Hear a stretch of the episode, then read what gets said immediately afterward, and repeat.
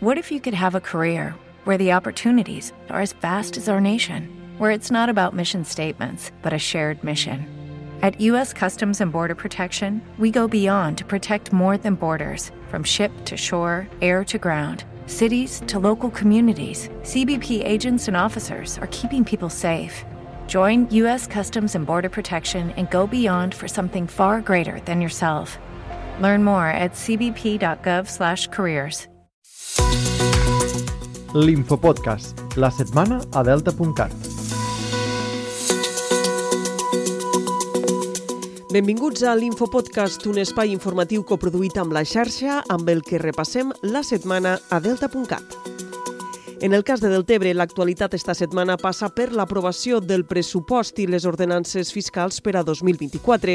S'ha aprovat uns comptes que ascendeixen a 27,6 milions d'euros, el més alt que ha tingut mai el municipi, i que inclou una partida d'inversions de rècord d'11,3 milions d'euros, ja que per a l'any vinent s'ha inclòs la finalització de la primera fase del passeig del Carrilet i també les fases 2 i 3. Pel que fa a les ordenances fiscals, si bé no es preveu un increment generalitzat, ja que s'ha congelat tots els impostos i taxes, sí que s'actualitzen i milloren amb noves classificacions i supòsits de tributació. Esta setmana també ha vingut marcada per la celebració de la Castanyada i de Tots Sants. Els ajuntaments de Deltebre, Camarles, l'Ampolla i Sant Jaume d'Enveja han presentat millores als cementiris coincidint amb esta data. Cal destacar el nou espai de memòria a les víctimes de la Guerra Civil al cementiri de Deltebre, els treballs de pintat i jardineria al cementiri de Camarles o la millora de la neteja i l'enjardinat al cementiri de Sant Jaume.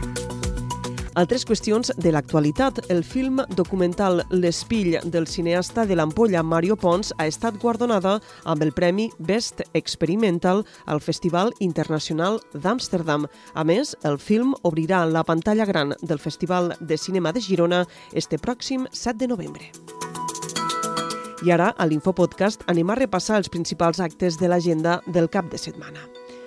Este diumenge 5 de novembre es farà una caminada solidària a favor de l'esclerosi múltiple al Parc Fluvial de Deltebre. L'acte està organitzat per Esclerosi Múltiple Associació Terres de l'Ebre.